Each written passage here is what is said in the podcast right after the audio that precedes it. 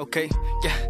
How many bars I gotta break in? How many times I have to listen to them say that you got potential, you ain't ready for the greats yet? Excuse the juice, the flow is proof, and put your headphones on, listen to me speak. Okay, the young colored nigga from the block with big dreams and no time that you would say hit stop. Money on his mind, thinking they should move out the block. I smoke green to stay high, cause they can wait for the drop. And most people get addicted when the working won't stop. I give it all to my fam and my daughter one day. If the scheme pays off, I'll probably pop in a date. And plus, I hope she would stay. Cause who I am in the booth is not the one she would date. But that was back in the day. She got me changing all my ways, and now I'm fading away. And then it happened one day. Yeah, about like, yeah, five niggas pull up on you.